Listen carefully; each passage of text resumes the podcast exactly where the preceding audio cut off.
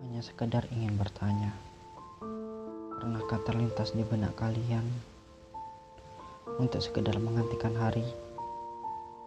Bukan cuma detik waktu, tapi sehari penuh. Sebab terlalu penuh saja rasanya. Terlebih ketika seluruh orang-orang yang dipercaya mulai menghilang satu demi satu. Tak ada yang tersisa sama sekali. Dan akhirnya kepercayaan diri mulai mengikis. Saat ini yang tersisa masih tinggal pena di atas kertas. Masih tak tahu mau menulis apa.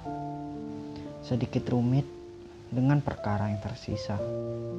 Akhirnya hanya menyalakan laptop dan mulai tenggelam dalam beberapa beberapa kejadian.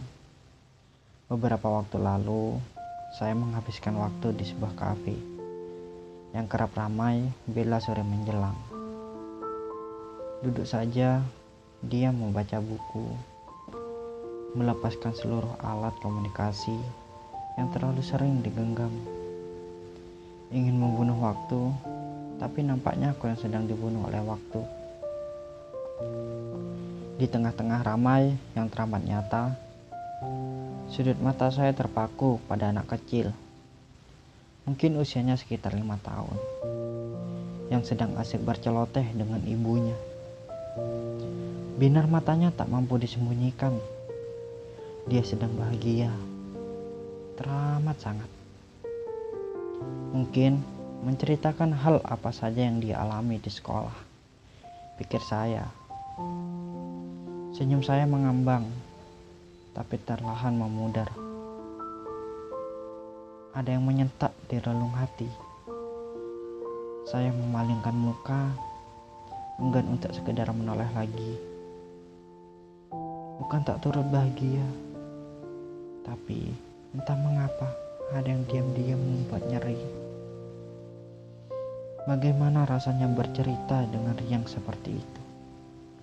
Bagaimana rasanya disayangi bidadari pertama yang, yang kamu temui di muka bumi? Bagaimana rasanya memiliki kenangan atas masa kanak-kanak yang tak perlu banyak pikiran untuk memahami? Di tengah beragam pertanyaan yang menjambangi kepala, ada yang terlat, ada yang tertahan di sudut mata, ingin jatuh tapi ego terlanjur menjadi juara. Saya rindu, merindukan hal yang tak pernah saya rasakan. Saya tersenyum, getir, menartawai diri sendiri. Bagaimana bisa rindu jika merasakan saja tidak? Kerap kali berpikir untuk tidak melakukan hal yang sama bila kelak menjadi orang tua. Tapi tetap saja manusia hanya bisa berencana. Penentu sepenuhnya adalah dia. Bila ingin, bisa saja saya murka dengan segala kesedihan yang datangnya bertubi-tubi.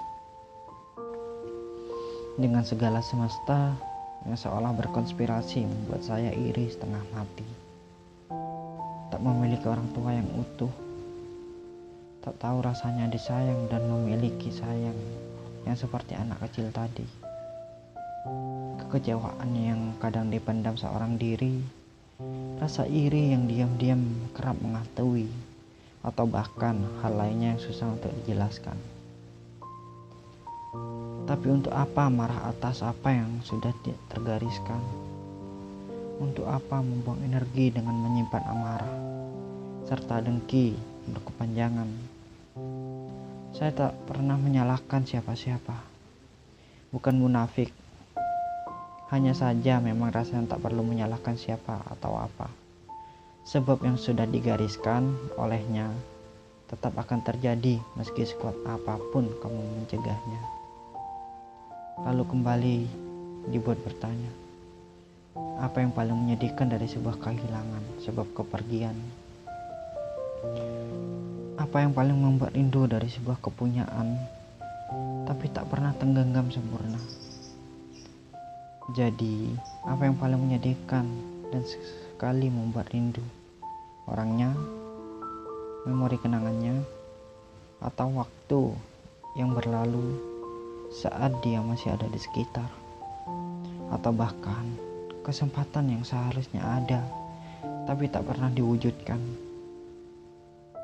Atas sebuah kehilangan sebab kepergian akan selalu hadir rindu yang tak pernah kesudahan tentang orangnya, tentang momen kebersamaan, atau juga tentang sebuah kebiasaan, dan bisa jadi tentang hal-hal yang belum pernah terjadi, tapi selalu sering diinginkan terjadi.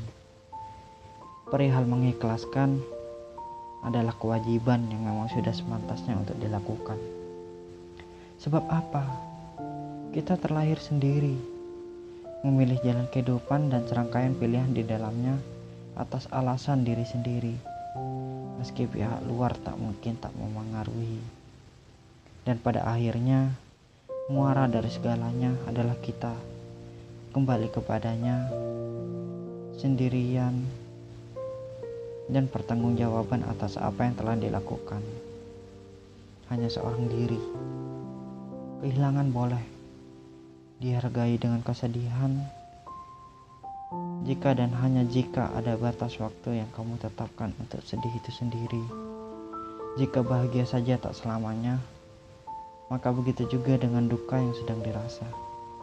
Sedihmu bukan selamanya.